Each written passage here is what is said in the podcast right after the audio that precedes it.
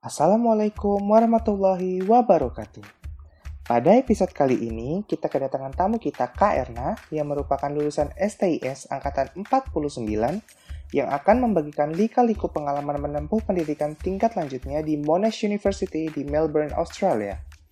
Baik Kak, sebelumnya mari perkenalkan diri dulu Kak. Halo semuanya, Assalamualaikum warahmatullahi wabarakatuh. Selamat malam. Sekarang udah jam 11 waktu Melbourne. Semoga tetap semangat buat saya dan buat teman-teman yang mendengarkan. Uh, semoga sharing kali ini bisa membawa manfaat buat kalian semua. Oh ya, untuk sekalian cek-cek Pak Moderator, apa suara saya cukup jelas? Hmm, jelas kok, Kak. Uh, Oke, okay, saya mulai dengan perkenalan dulu ya. Uh, nama saya Erna, Uh, saya dari STS angkatan 49, sudah cukup uh, tua ya. Uh, satuan kerja saya dari BPS Kabupaten Malinau, Kalimantan Utara, BPS provinsi yang paling baru di Indonesia. Oke, sekarang saya kuliah di Monash University, jurusan Master of Applied Economics and Econometrics. Um, oh ya, buat kalian yang mau satu kampus, ngerasain satu kampus sama uh, Iqbal Iqbal Dilan, mungkin bisa uh, apa namanya daftar AS, terus nanti pilih Monash University. Jadi uh, siapa tahu bisa ketemu Dilan kan? Wah, kesempatan tuh buat nyusulin Dilan. Oke nih kak, boleh dong di-sharing pengalaman dan perjuangannya meraih beasiswa ke kawan-kawan SD sekalian. Oke, uh, mungkin di kalian-kalian semua masih berasumsi bahwa orang yang bisa dapat beasiswa, bisa kuliah ke luar negeri, itu pasti pinter, pasti punya pengalaman organisasinya banyak, pasti punya jurnal-jurnal internasional yang udah diterbitin.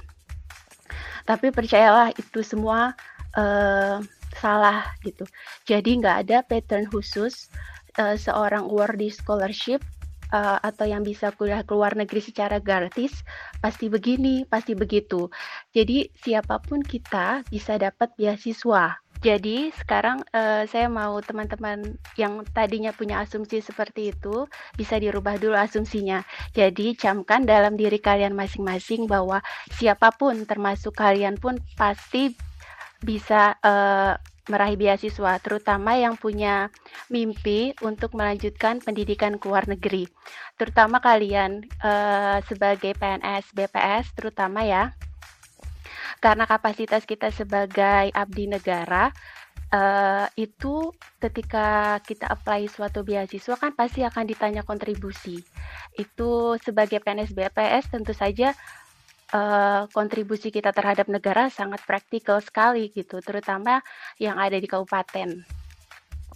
Nah, di luar persyaratan bahasa dan segala macamnya, tetek bengeknya, segala macam administrasinya, uh, being granted a scholarship itu menurut saya merupakan seni. Gimana sih kita bisa merepresentasikan diri kita sesuai dengan uh, sesuai dengan visi misi dari si penyedia beasiswa.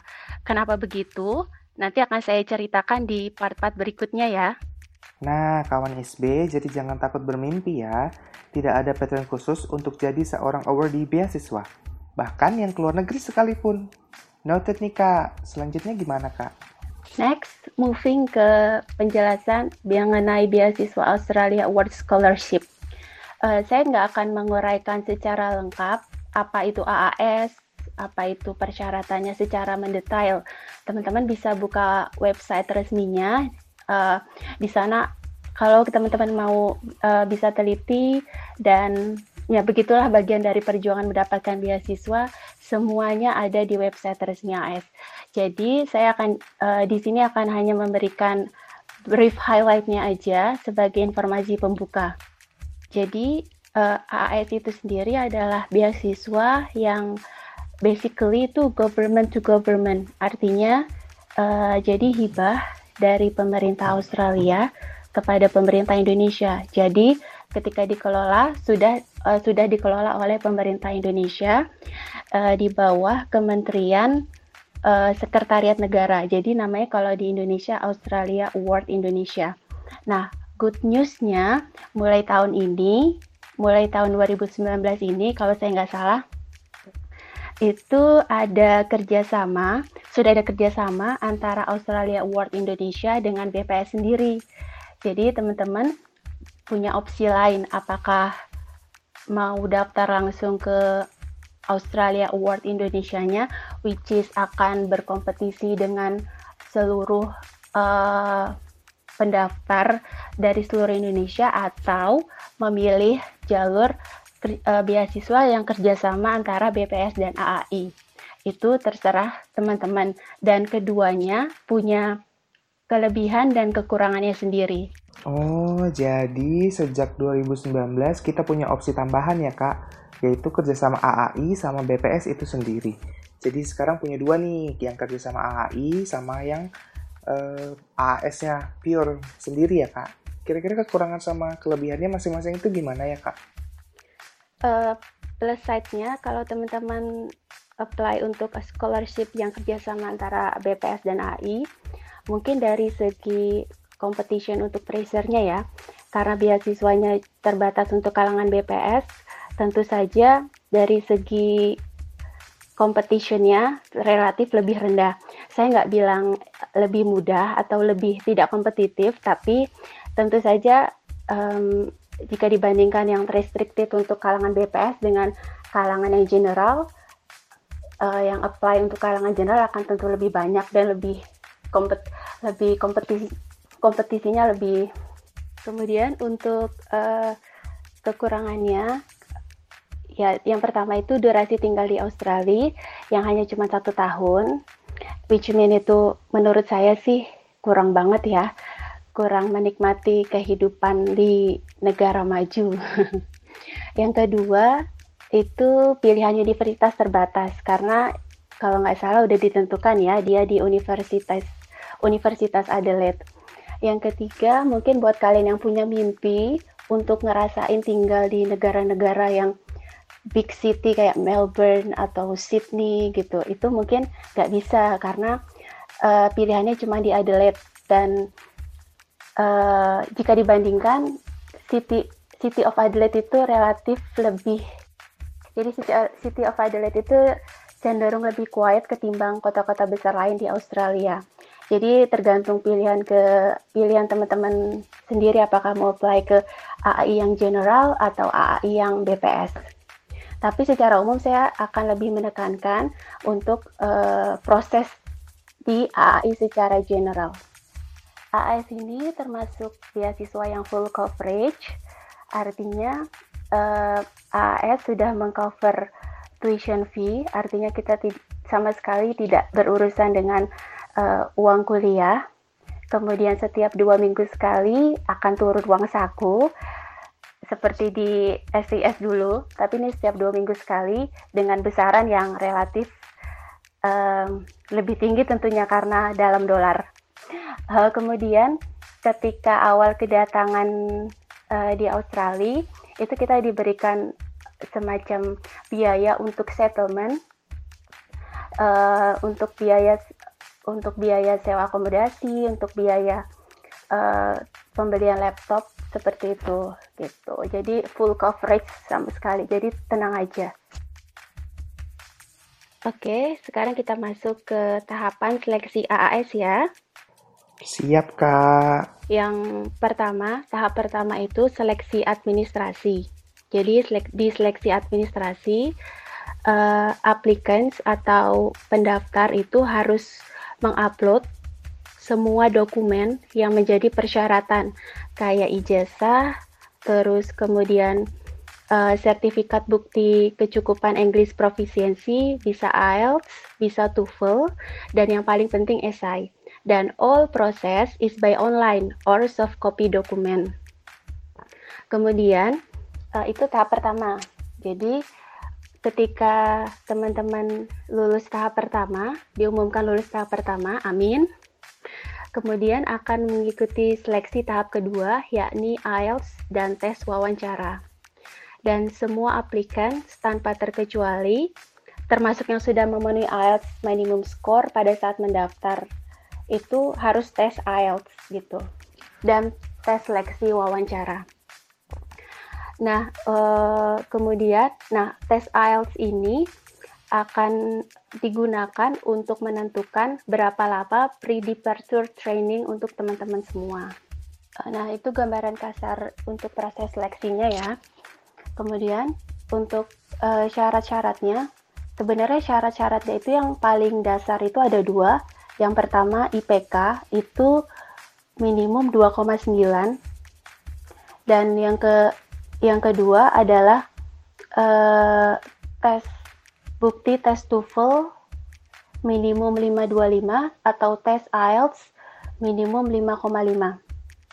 Jadi basically dua syarat dasar itulah yang harus uh, teman-teman penuhi sebelum mendaftar ke AS. Sebenarnya kalau dipikir-pikir dua base uh, dua basic syarat ini relatif lebih relatif lebih mudah ya karena dibandingkan dengan beasiswa lain tentunya yang mematok IELTS harus sudah 6,5 dan TOEFL harus 550 minimum. Tapi untuk di AS ini uh, cukup berbeda, cukup generous menurut saya AS dalam hal ini karena hanya butuh TOEFL 525 dan IELTS 5,5. Nah, tapi dengan kebaikan hati dari AS untuk menurunkan sedikit standar bahasa Inggris, maka yang daftar itu akan menjadi sangat banyak sekali gitu. Akan sangat dari seluruh Indonesia yang daftar itu waktu angkatan saya itu sekitar 5.600 orang untuk diambil akhir itu 300 wording gitu. Nah, tapi eh, jangan menyurutkan semangat teman-teman semua gitu. Pelamarnya memang banyak gitu. Nah, maka untuk bisa lulus, untuk bisa lulus dari semua pelamar yang banyaknya ribuan ini, maka perjuangan teman-teman itu juga harus lebih istimewa dari pendaftar-pendaftar yang, lainnya gitu. Jadi temukan sesuatu hal dalam diri kalian yang membuat kalian tuh stand out from the crowd gitu. Artinya membuat uh, si pemberi beasiswa ini. Uh, dokumen lain yang perlu diperhatikan itu saat pendaftaran di seleksi pertama itu adalah referee report. Itu at least harus punya dua referee report. Yang pertama itu dari uh, apa namanya dari semacam lecturer dari dosen dosen bisa dosen pembimbing skripsi yang kedua itu dari supervisor kantor ya kalau dulu saya pakai dari kepala BPS kabupaten, jadi ada dua referee report. Kalau pengalaman saya, referee report yang pertama itu saya dapat dari Profesor Abuzar, mungkin teman-teman mengenal. Yang kedua dari kepala BPS kabupaten saya, gitu. Jadi yang mau uh, tanya-tanya lebih lanjut gimana sih cara dapetin referee reportnya, bisa bisa bisa apa namanya? bisa DM saya langsung mau minta contoh suratnya seperti apa atau segala macam dan segala macam ya. Saya akan bahas ringkas saja di sini. Kemudian, dokumen yang kedua itu adalah nominating agency dari kepala BPS provinsi. Ya, ini merupakan surat bukti bahwa kita merupakan uh, eh, PNS jadi kalau di AAS itu PNS merupakan targeted, jadi dibutuhkan nominating agency dari kepala BPS provinsi. Nah, tantangannya untuk dapat nominating agency ini adalah mm, untuk teman-teman yang penempatan di daerah misalnya Kalimantan atau Sulawesi atau Papua yang secara geografis itu sulit, tentu saja untuk mendapatkan nominating agency dari kepala BPS provinsi itu tentu lebih menantang. Karena karena terkadang kita butuh butuh mondar mandir untuk dari kabupaten ke ibu kota provinsi yang which mean itu kadang biayanya nggak murah untuk mengurus surat ini tapi kalau kepala BPS provinsinya yang alhamdulillah baik dan helpful akan tidak keberatan hanya melalui surat atau melalui email. Uh, selain menyediakan dokumen-dokumen yang diperlukan, supporting dokumen-dokumen yang diperlukan. Yang gak kalah penting dalam proses uh, seleksi tahap pertama adalah menulis esai. Nah, mungkin uh, buat teman-teman yang udah pernah mencoba untuk apply beasiswa, hal-hal untuk menulis esai ini mungkin gak asing lagi. Mungkin buat teman-teman juga akan menemukan bahwa bagian dari menulis esai adalah bagian yang paling uh, challenging, struggling, dan paling menantang dalam segala proses menulis esai. Dan percayalah ini adalah bagian dan memang benar menurut saya ini adalah bagian yang paling krusial, yang bagian yang paling membutuhkan kejelian, ketelatenan, uh, uh, apa ya, sangat sangat menentukan proses ke depannya jika kalian lolos di tahap pertama. Nah, nanti saya juga akan sharing gimana sih cara-cara tips dalam menulis esai gitu. Sebelum masuk ke hal-hal yang lebih praktikal, tips dan trik dalam menulis esai, mungkin saya akan eh, menceritakan pengalaman pribadi saya ya. Prosesnya gimana sih, uh, apa namanya, untuk dari awal terbesit niat untuk apply, punya cita-cita untuk kuliah ke luar negeri sampai fix ditetapkan sebagai wardi gitu. Jadi mau sharing pengalaman pribadi saya gitu. Uh, jadi udah pada tahu kan kalau lulusan STIS bisa mendaftar untuk lanjut sekolah master itu setelah empat tahun mengabdi minimum setelah empat tahun mengabdi dan mimpi saya untuk bisa sekolah ke luar negeri itu nggak ujuk-ujuk datang ketika saya udah memenuhi masa 4 tahun bekerja gitu. Saya punya mimpi untuk sekolah ke luar negeri itu believe it or not sejak lulus dari SIS. Jadi itu udah lama banget. Sebenarnya mimpinya sih uh, awalnya sih mimpinya tuh ridiculous ya, konyol gitu. Jadi cuma pengen bisa jalan-jalan ke luar negeri. Yang emang saya nggak nggak pernah jalan-jalan ke luar negeri sama sekali. Kemudian kalau ngeliat di film-film Hollywood itu kan kalau misalnya kayak ngerasain a big city kayak New York itu kan kayak very busy gitu. Saya pengen ngerasain jalan di tengah-tengah pedestrian penduduk-penduduk kota yang yang wah semuanya tuh bule gitu seakan-akan wah gitu itu sih konyol sebenarnya sih ya uh, apa namanya latar belakang mau sekolah ke luar negeri tapi kadang emang sesuatu yang beyond your expectation itu bisa dimulai dari sesuatu yang konyol ya kadang-kadang. Nah kemudian uh, bisa dibilang proses dapat beasiswa buat saya itu is a very long journey. Tapi bukan buat saya aja, saya percaya buat beberapa, buat banyak kali teman-teman saya yang emang sudah fix dinyatakan dapat beasiswa itu memang benar-benar a very long journey.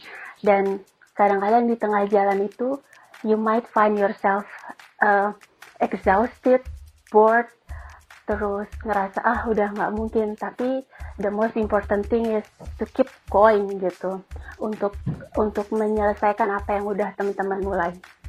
Jadi nggak jarang uh, teman saya ini ada yang 8 kali apply untuk beasiswa AAS itu baru diterima. Bayangin 8 kali gitu. Uh, terus saya tanya, apa sih uh, yang bikin dia tetap semangat gitu sampai 8 kali apply dia nggak nggak nggak menyerah gitu. Katanya dia ya dia nikmatin setiap prosesnya gitu. Jadi ketika dia gagal, oh ya udah memang bukan rezeki saya gitu dia coba lagi tahun depan sampai 8 kali dia kata dia yang paling penting adalah nikmatin setiap proses menuju um, menuju beasiswa itu sendiri gitu. Yep, itu tadi sedikit sesi Mario Teguh dari saya. Semoga bisa memotivasi buat teman-teman yang punya mimpi yang sama seperti saya. Oke, okay, uh, step pertama, jika teman-teman udah punya mimpi nih ke luar negeri gitu, apa yang harus saya lakukan pertama kali? Tentu aja adalah bahasa Inggris. Gimana caranya memoles kemampuan bahasa Inggris teman-teman untuk bisa mencapai standar TOEFL maupun IELTS gitu. Uh, buat saya yang penempatan di Kabupaten Malinau, itu kalau teman-teman tahu, Kabupaten Malinau itu adalah kabupaten perbatasan antara uh, Indonesia Malaysia. Dia itu udah terdepan terluar uh, terdalam, ter, ter segala macam gitu. Jadi jangan bayangin di sana ada uh, tempat les kursus bahasa Inggris. Jadi saya nggak bisa mengandalkan, oke okay, saya bisa kursus gitu. Jadi sangat-sangat terbatas sekali keadaan di sana.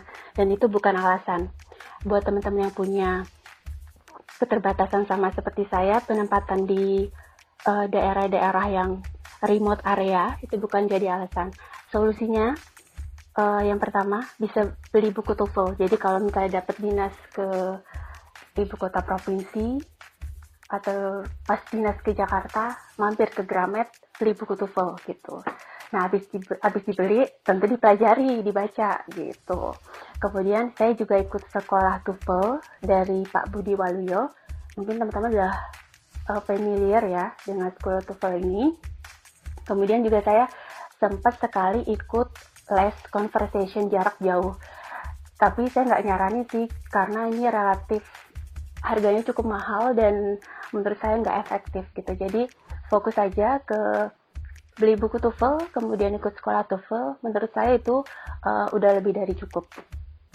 Kemudian uh,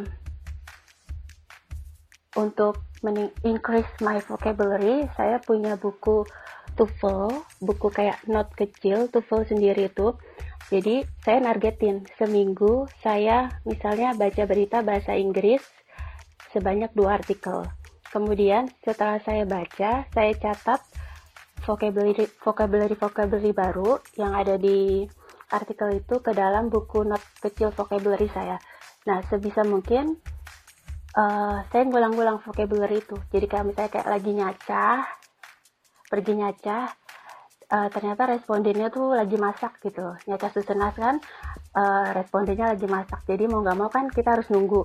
Nah, sambil nunggu, sambil dibaca buku vocabulary-nya gitu. Jadi nggak uh, bisa efektif waktu menunggunya.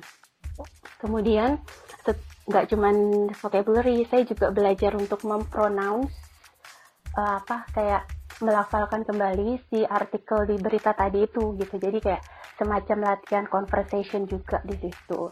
Kemudian untuk melatih dari sisi listening saya uh, karena TV karena ada anak saya nih di rumah, jadi saya uh, nyetel apa kayak Discovery Channel yang berbahasa Inggris jadi sekalian education ke anak saya mengenai animals gitu saya juga pick up kadang-kadang pick upnya expression juga melatih listening saya melewat BBC situ acara BBC gitu.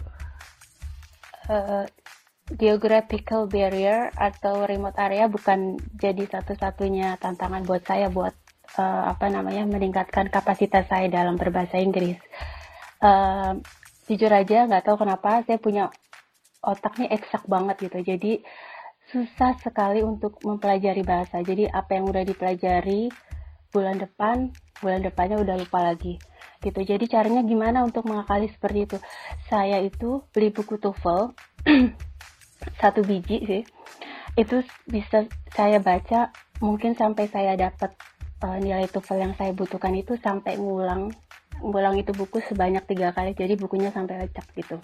Praktis terus praktis terus praktis terus gitu. Jadi sampai kadang uh, saya ada di titik yang aduh uh, kayak nggak bisa deh kayak nggak bisa deh. Itu pasti ada di titik kayak gitu di titik jenuh. Tapi keep going ya teman-teman. Kalau lagi ada di titik terendah break dulu. Mungkin ambil break berapa hari. Uh, kemudian lanjut lagi start lagi gitu. Nah ulang-ulang terus sampai tiga kali di buku TOEFL hasil akhirnya. Yang pada saat saya mendaftar alhamdulillah TOEFL saya ini bukan buat ria ya buat memotivasi. Alhamdulillah itu udah 556 jadi udah sangat melebihi uh, apa namanya persyaratan AS yang hanya 525 nah pada saat dan hasilnya juga pada saat pre-debater training saya tuh sampai dijuluki master of grammar gitu. Karena grammar saya kata teman-teman sih kayak udah di luar kepala. Jadi kalau ada persoalan grammar kayak ada nulis esai atau nulis apa namanya ada tugas di ketika pre-debater training itu teman-teman pada nanya ke saya gitu. Jadi yang mereka tahu saya master of grammar tapi mereka nggak tahu kalau saya itu ngulang buku TOEFL sampai tiga kali gitu. Uh, jadi berapa tahun belajar bahasa Inggris? Kalau buat personally pribadi saya saya tuh kurang lebih ya tiga tahun belajar bahasa Inggris untuk mencapai TOEFL biar bisa apply AAS ini gitu. Jadi cukup lama. Mungkin teman-teman bisa bisa uh, apa namanya lebih lebih apa namanya yang lebih pintar bahasa Inggrisnya lebih mudah belajar bisa kurang dari itu. Tapi buat saya itu tiga tahun gitu kemudian uh, setelah dapet nih uh, standar minimum bahasa Inggris step keduanya adalah mulai nyari tahu mulai membidik kira-kira kita mau uh, mau beasiswa apa gitu. Kalau berbicara jenis-jenis beasiswa sih banyak sekali ya. Beasiswa itu setiap tahun itu kalau teman-teman coba search di Google kalender beasiswa itu setiap tahun itu setiap ma maaf setiap bulan dalam satu tahun itu itu pasti ada beasiswa yang buka. Jadi buka buka untuk application atau pendaftaran. Jadi explore more gitu. Lebih lebih uh, explore lebih lanjut aja tugas kita gitu. Kalau untuk saya sendiri saya awalnya itu daftar uh, chevening. Chevening untuk kuliah di UK.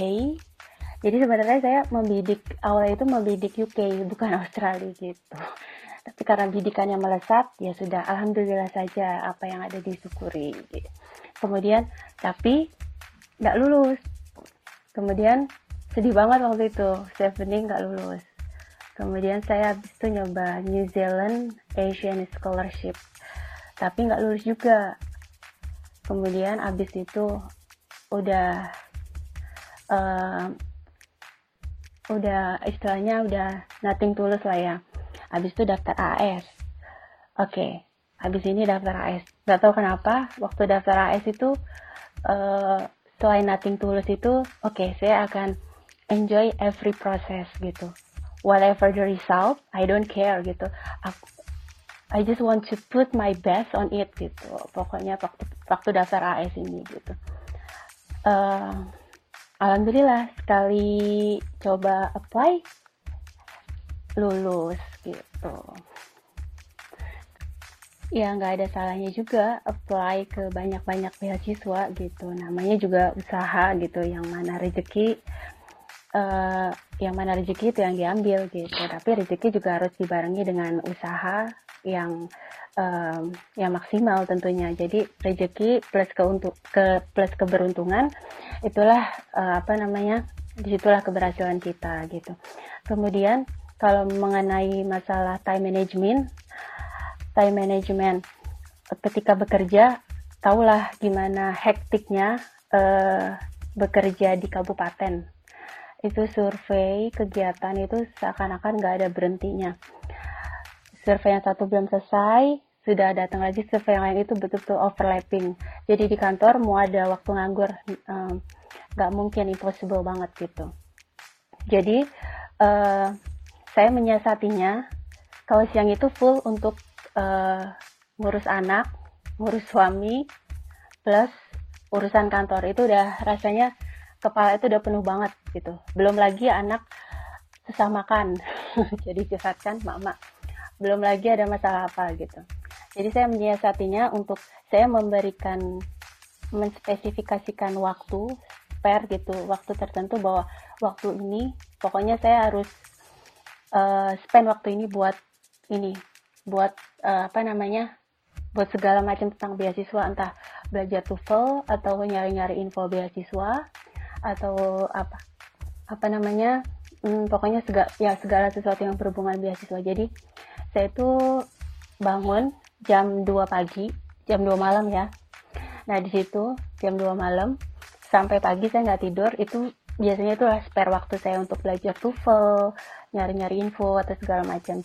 Kelebihannya mungkin lebih fresh ya, lebih fresh dari uh, apa namanya? Karena kita udah tidur, udah istirahat. Terus buat yang ibu-ibu nih yang udah punya anak, mungkin bisa jam 2 pagi itu kalau bangun itu apa ya kayak nggak ada yang ganggu gitu ya kalau misalnya kan baru buka laptop udah mama saya mau ini mama aku mau ini gitu mungkin buat kalau buat yang masih single sih enak aja free aja waktunya ya cuma kalau buat ibu-ibu seperti saya bangun jam 2 itu bisa jadi uh, apa siasat yang jitu gitu. Nah, dari cerita pengalamannya Kak Erna ini, kita bisa ambil nih tiga poin. Yang pertama, practice makes perfect. Yang kedua, explore more. Yang ketiga, manage your time wisely. Kurang lebih gitu ya, Kak? Boleh, Kak, dilanjut? Ya, itu tadi sesi curhat saya. Kemudian masuk ke hal yang lebih praktikal ya, tips dan tricks menulis esai gitu. Jadi seperti saya bilang di awal bahwa part esai itu dalam aplikasi beasiswa itu merupakan part yang paling krusial atau bisa dibilang lulus enggaknya beasiswa kita itu sangat bergantung pada esai yang kita submit gitu. Uh, tips-tips ala saya dalam menulis esai. Oke, okay, tips yang pertama menurut saya, ini pendapat pribadi saya berdasarkan pengalaman saya. Jadi yang pertama, jadi esai itu merupakan sarana pertama untuk menilai apakah sarana pertama untuk si penyedia beasiswa untuk menilai apakah uh, kita nih bisa menjadi uh, representasi gitu untuk mencapai visi misi dari si penyedia beasiswa. Jadi gampangnya gini, saya kasih beasiswa, kamu bisa ngasih apa gitu. Jadi pas nulis beasiswa nih, pas nulis esai, maaf, pas nulis esai untuk aplikasi beasiswa, saya selalu move back and forth. Jadi uh, move back and forth mondar mandir antara esai saya sama visi misi si penyedia beasiswa itu sendiri gitu. Saya saya menilai apakah esai saya ini sudah sesuai dengan uh, tujuan dari si pemberi beasiswa gitu. Kalau misalnya AAS sendiri saya menyimpulkan sih bahwa AS ini basically ini untuk mencetak uh, bukan mencetak ya apa ya? Untuk membiayai pendidikan individu-individu yang nggak hanya bisa berkontribusi untuk pembangunan Indonesia. Makanya that's why PNS itu jadi targeted untuk beasiswa AS tapi juga pada saat yang bersamaan uh, kelak di masa yang akan datang si awardee ini bisa menjadi perekat hubungan diplomasi antara Indonesia dan Australia. Itu jadi kesimpulan saya. Uh, jadi apa yang saya lakukan? Jadi ketika saya sudah menyimpulkan hal yang seperti itu, oh ini nih visi misi si si AAS gitu atau si penyedia beasiswa yang lain kalau misalnya teman-teman mau apply beasiswa yang lain. Kemudian ya masukkan unsur visi misi itu di dalam esainya teman-teman gitu. Jadi dalam contoh kasus saya, karena ini ada AS ini salah satu bertujuannya untuk merekatkan diplomasi tadi, saya memasukkan unsur diplomasi itu ke dalam esai saya. Simple saja gitu. Simple saja. Kalau saya sih masukannya gini dulu, saya kebetulan pernah menghadiri kuliah umum di mana Mr. Brian Ping Mr. Brian Ping itu kepala Australian Bureau uh, Statistik itu jadi juru bicaranya sharing mengenai gimana sih cara-cara menjaga, menjaga kualitas data. Nah, saya menceritakan pengalaman ini, pengalaman saya menghadiri uh, seminar ini si di mana Brian Ping menjadi pembicara ke dalam esai saya gitu. Sangat terlihat simpel sekali gitu. Tapi gimana sih teman-teman bisa merepresentasikan hal yang simple menjadi sesuatu hal yang uh, hal yang apa ya hal yang meaningful yang bisa teman-teman tawarkan si penyedia beasiswa gitu. Jadi saya saya saya nyatakan bahwa saya saya cerita saya pernah hadir di uh, apa namanya kuliah umum Brian Pink saya juga menjelaskan keter apa namanya keterka keterka keter apa ya hubungan kerjasama lah antara ABS dan PPS yang memang sudah terjalin dengan lama dengan implikasinya di masa yang akan datang gitu. Itu contoh real dari saya tentang gimana caranya me, apa namanya memasukkan sih visi misi si penyedia beasiswa itu ke esai kita. Tips yang ketiga tips ini sebenarnya saya dapat dari Pak Made Andi teman-teman bisa pergi lang eh, apa namanya uh, cari websitenya madiandi.com mungkin ada juga yang udah familiar banget sama Pak Madiandi ini. Uh, beliau ini saya pernah baca tulisan salah satu tulisan beliau di artikel di blognya bahwa uh, selalu libatkan hati. Asik selalu libatkan hati dalam uh, apa namanya dalam menjalani setiap proses untuk mencapai beasiswa gitu. Kenapa? Jadi gini, bahwa uh, yang si penyeleksi beasiswa itu kan tentu saja manusia ya seperti kita gitu. Jadi untuk mengetuk dan menggugah hati si penyeleksi ini tentu juga si penyeleksi ini punya hati ya. Nah, untuk mengetuk hati si penyeleksi ini agar mau oh ya kamulah orang yang tepat yang saya cari. Maka ketuklah hati dengan hati. Which mean that jalani setiap prosesnya dengan hati kalian sepenuh hati dan start dari menulis esai. Kalau misalnya menulis esai itu tidak satu hari jadi, tidak nggak seminggu jadi, jadi berulang kali, berulang kali dan butuh kejelian. Uh, mau hal apa yang akan kita ceritakan, bagaimana kita menceritakan di situ, terus implikasinya seperti apa gitu, dan lakukan semuanya uh, pakai hati gitu. Mungkin ini terdengar klise ya, tapi ini jujur aja hmm, apa namanya message inilah yang selalu saya gaungkan ketika saya udah mulai bosen dalam nulis esai atau ketika saya udah mulai jenuh dalam prosesnya oke okay, pakai hati oke okay. jadi saya mulai lagi start lagi gitu itu sih yang saya apa uh, advice yang paling paling uh, apa manjur gitu dari Pak Madiandi ini Oke, okay, the last tip. Uh, jadi yang menilai esai itu kan, jangan lupa yang menilai esai ini kan si bule ya, orang dari English speaking country. Keep it mind that kalau eh, orang-orang dari English speaking country itu di mereka menganut paragraf didaktif. Artinya jadi kalau buat esai atau menyampaikan ide atau gagasan itu taruh inti dari ide atau gagasan itu di awal paragraf. Lalu lanjutkan dengan supporting statement di uh, di kalimat-kalimat selanjutnya. Gitu. Jadi ini tips yang tips yang sederhana tapi saya aplikasikan gitu. Jadi kalau misalnya kayak ada pertanyaan uh, salah satu pertanyaan di AS kan ada how did you choose your proposed course and institution? Langsung aja uh, I choose my proposed course and institution according to different things. The first one is that blah blah blah. The second one is that blah blah blah. Give the example. Jadi cukup clear, clear, sorry, cukup clear. Jadi tidak membulat ke mana-mana gitu. Jadi mereka si apa bule ini lebih suka yang simple, yang to the point, yang dan yang nggak bertele-tele. Kata mereka sih, don't beat around the bus, jangan bertele-tele gitu. Uh, itu tips-tips sederhana dari saya dalam hal menulis esai. Uh, moving ke selanjutnya itu mengenai beasiswa AS, privilege, privilege uh, yang bisa teman-teman dapetin kalau kalian bisa kalian kalian menjadi AS worthy.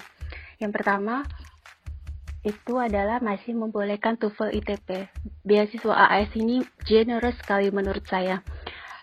Uh, beberapa kali saya search, saya uh, apa namanya cari tahu kalau beasiswa-beasiswa yang menawarkan sekolah atau ke luar negeri itu paling tidak teman-teman harus punya uh, apa sertifikat IELTS atau TOEFL IBT, TOEFL IBT.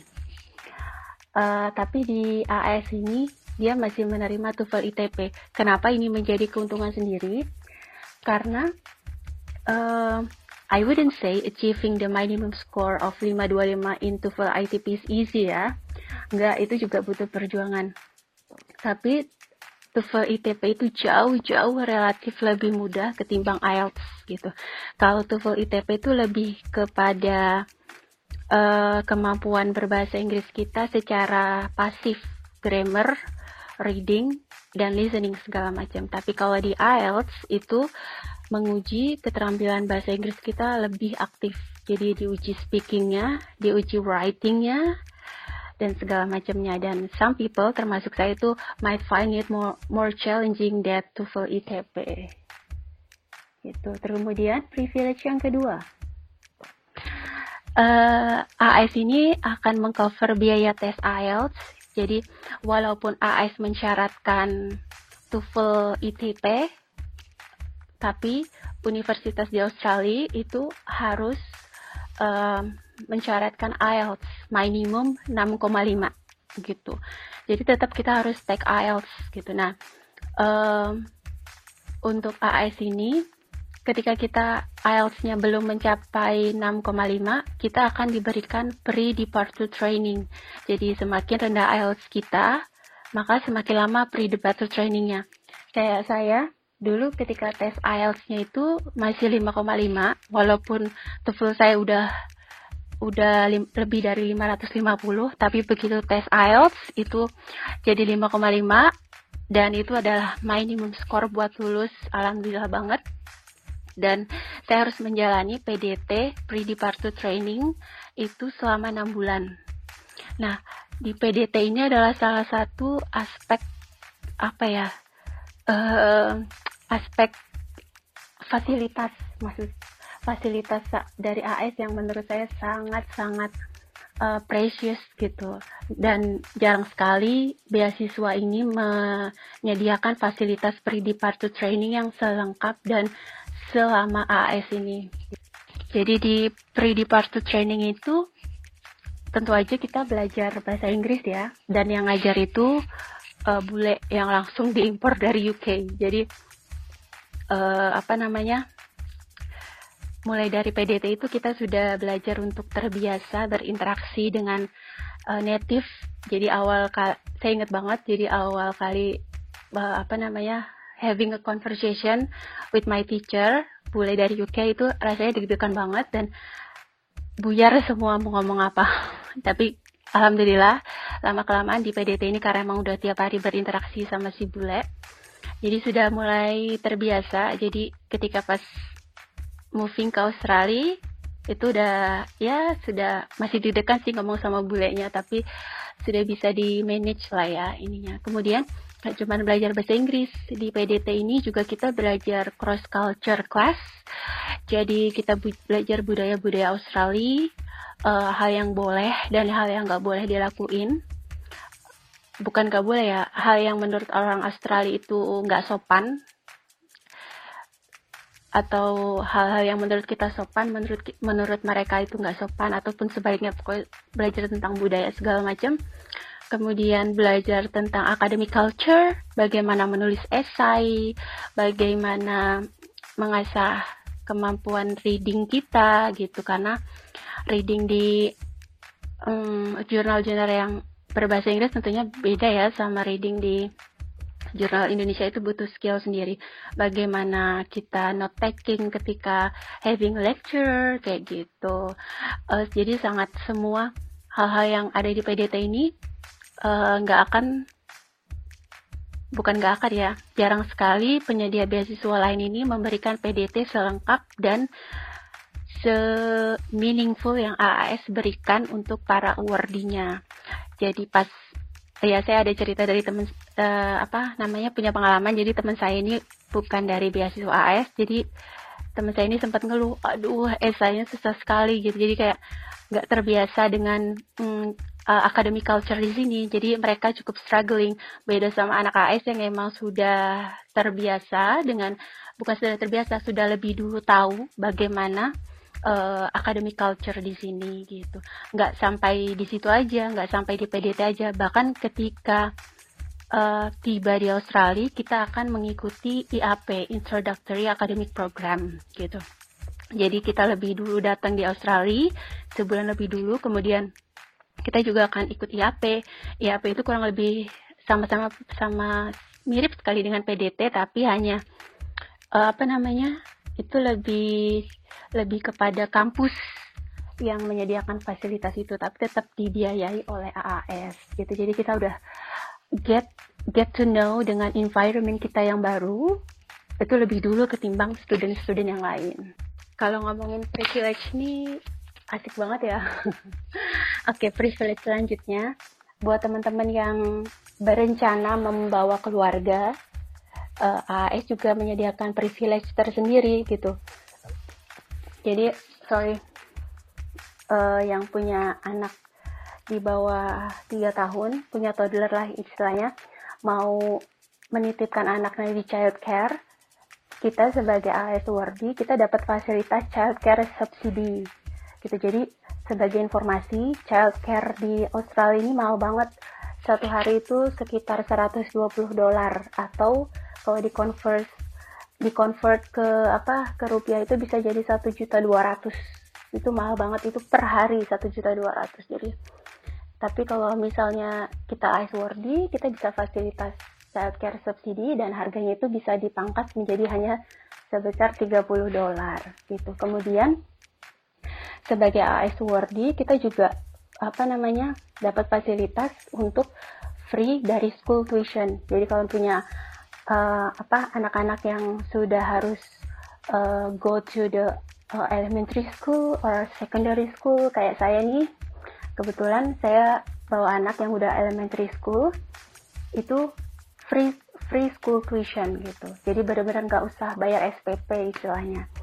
Dan informasi lagi, kalau teman-teman bukan AS worthy, itu biaya elementary school di sini tuh sangat mahal banget per semesternya.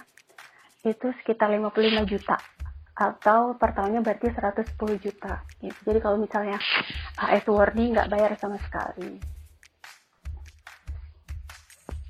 Kemudian buat emak-emak yang galau mau apply beasiswa tapi juga nggak mau ninggal anak, itu bisa bisa banget bawa anaknya ke sini. Contohnya saya, saya di sini uh, I'm a student while I have to take care of my kid alone karena suami saya nggak bisa ikut CLTN ke sini. Jadi saya di sini berdua sama anak saya. Anak saya umur 5 tahun.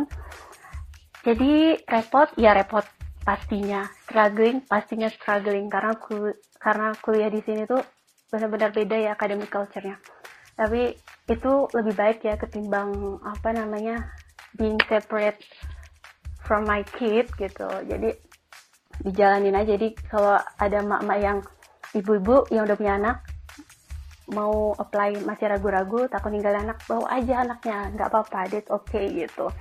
Jadi kalau elementary school di sini itu dari jam 9 dari jam 9 sampai jam setengah 4 kemudian anak saya saya taruh after school. Sedikit mau cerita saya itu emes banget gitu.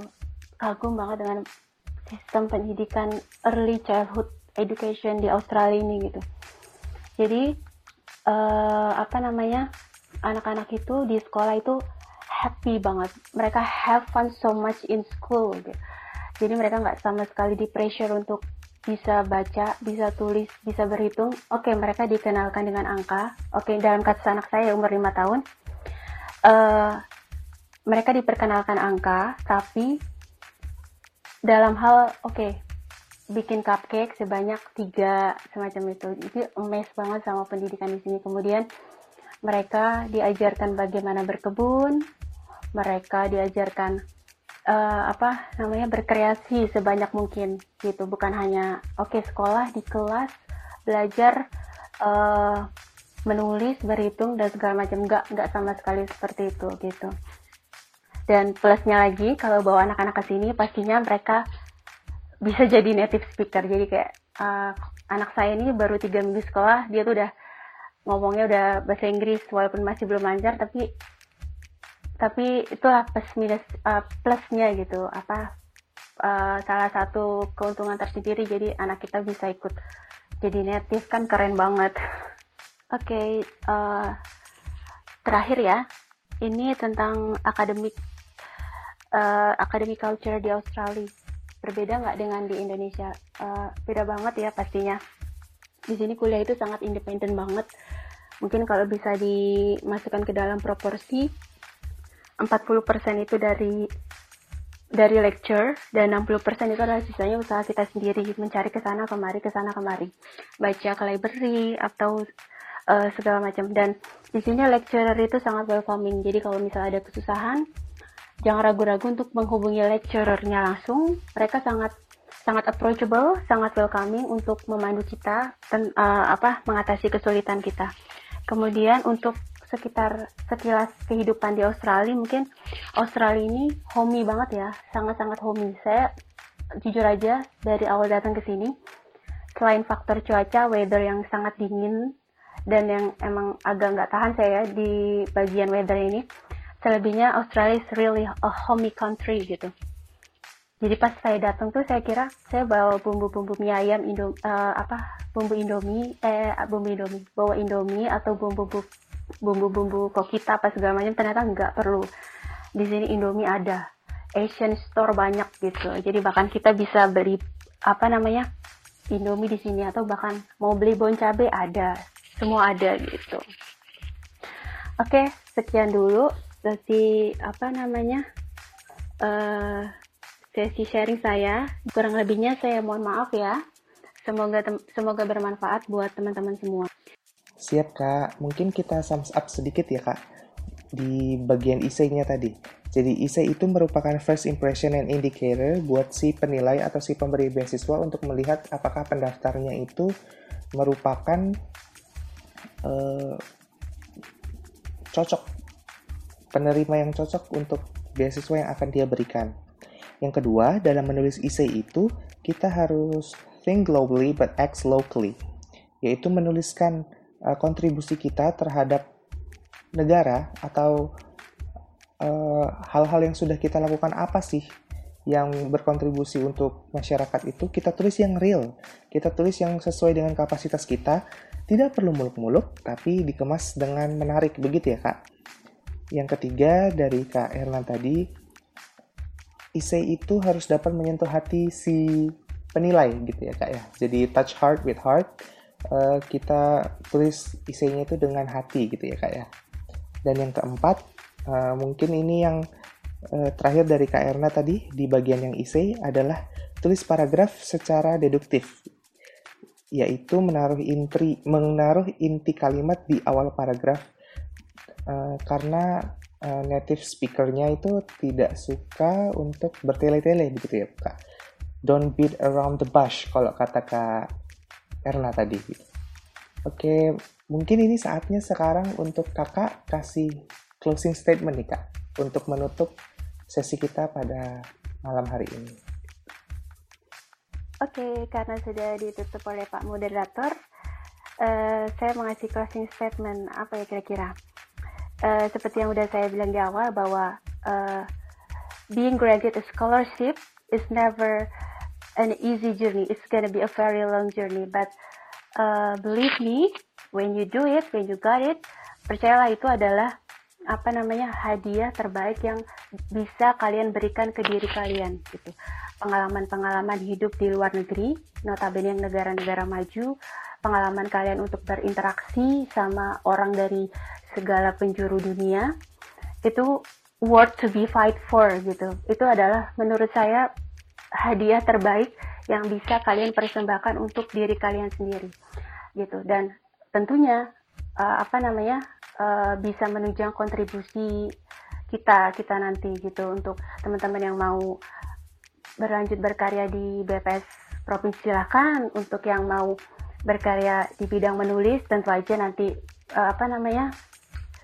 uh, pendidikan kita akan sangat menunjang mimpi-mimpi kita ke depan. Hopefully teman-teman uh, tetap semangat dan saya eh, nggak uh, berkeberatan. I don't mind to apa namanya kalau teman-teman mau tanya-tanya langsung lebih hal-hal yang lebih teknis tentang esai atau tentang segala macam. I don't mind to apa email or to like DM in WhatsApp or something like that. Gitu. Untuk sesi sekian ini uh, berharap semoga teman-teman Semoga teman-teman menemukan manfaat dari sesi malam ini dan tetap jaga mimpi-mimpi kalian ya. Oke, kurang lebihnya mohon maaf. Wassalamualaikum warahmatullahi wabarakatuh. Wassalamualaikum warahmatullahi wabarakatuh. Terima kasih Kak Erna. Nah, kawan SB, tibalah kita di penghujung acara dari sesi sharing beasiswa kita di sesi ke-22 pada malam hari ini, atau di sesi podcast di episode keempat. Apabila teman uh, memiliki kritik, saran, atau masukan untuk tim SB, bisa disampaikan melalui kami di Instagram, YouTube, ataupun SoundCloud dari tim SB. Saya Mega Kelana, mohon pamit undur diri. Wassalamualaikum warahmatullahi wabarakatuh. Sampai jumpa di sesi berikutnya. Bye-bye.